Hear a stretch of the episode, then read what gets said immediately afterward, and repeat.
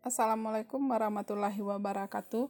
Pada pertemuan kali ini, kita akan membahas tentang pemanfaatan media audio di dalam pembelajaran. Pemanfaatan media audio di dalam pembelajaran ini sudah sangat banyak digunakan. Pertama, orang udah menggunakan dari dulu tuh udah menggunakan recorder, tape recorder, kaset audio, video, bisa menggunakan keping cakram atau CD.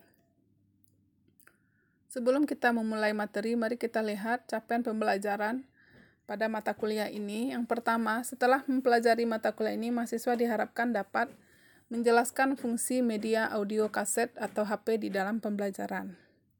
Yang kedua, setelah mempelajari mata kuliah ini, mahasiswa diharapkan dapat menjelaskan fungsi media radio podcast di dalam pembelajaran. Berikutnya, yang ketiga, setelah mempelajari mata kuliah ini, mahasiswa diharapkan dapat memanfaatkan media audio dalam pembelajaran dan yang terakhir, mahasiswa dapat memanfaatkan media radio atau podcast di dalam pembelajaran. Berikutnya kita lihat yang kegiatan belajar yang pertama, pemanfaatan media kaset, CD atau HP di dalam pembelajaran. Jenis rekaman suara bisa menggunakan kaset audio, keping cakram, dan bisa menggunakan voice pada HP.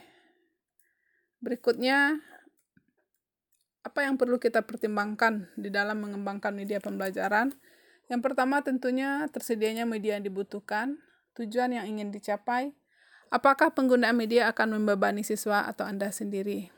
Apakah Anda siap untuk mengkombinasikan penggunaan media dengan aktivitas lain untuk siswa. Kemudian jangan lupa gunakan mungkin orang, bahan mentah, bahan daur ulang yang ada di sekitar. Apa manfaat media audio di dalam pembelajaran? Yang pertama, dapat mempelajari materi kapan pun diinginkan, dapat diputar berulang-ulang, mendapat materi dari sumber lain, memilih materi yang diperlukan sesuai dengan kebutuhan.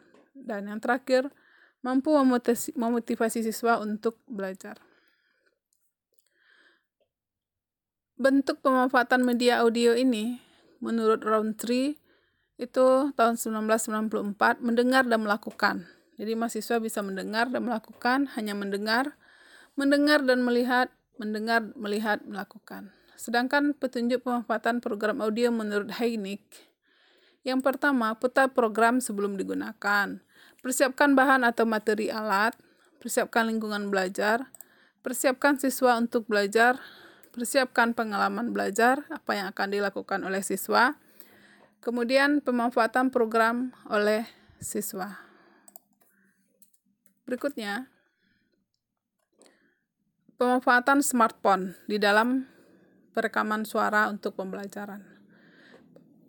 Smartphone yang ada sekarang itu pada umumnya sudah memiliki built-in microphone yang bisa digunakan langsung untuk merekam suara.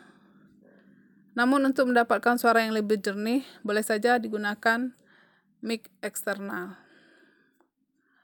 Kemudian aplikasi voice recorder yang dapat digunakan untuk merekam suara. Pada umumnya, HP, smartphone, Android, iPhone pada umumnya sudah menggunakan atau sudah menyertakan aplikasi voice recorder maupun voice memo di dalam HP, di dalam uh, perangkat tersebut.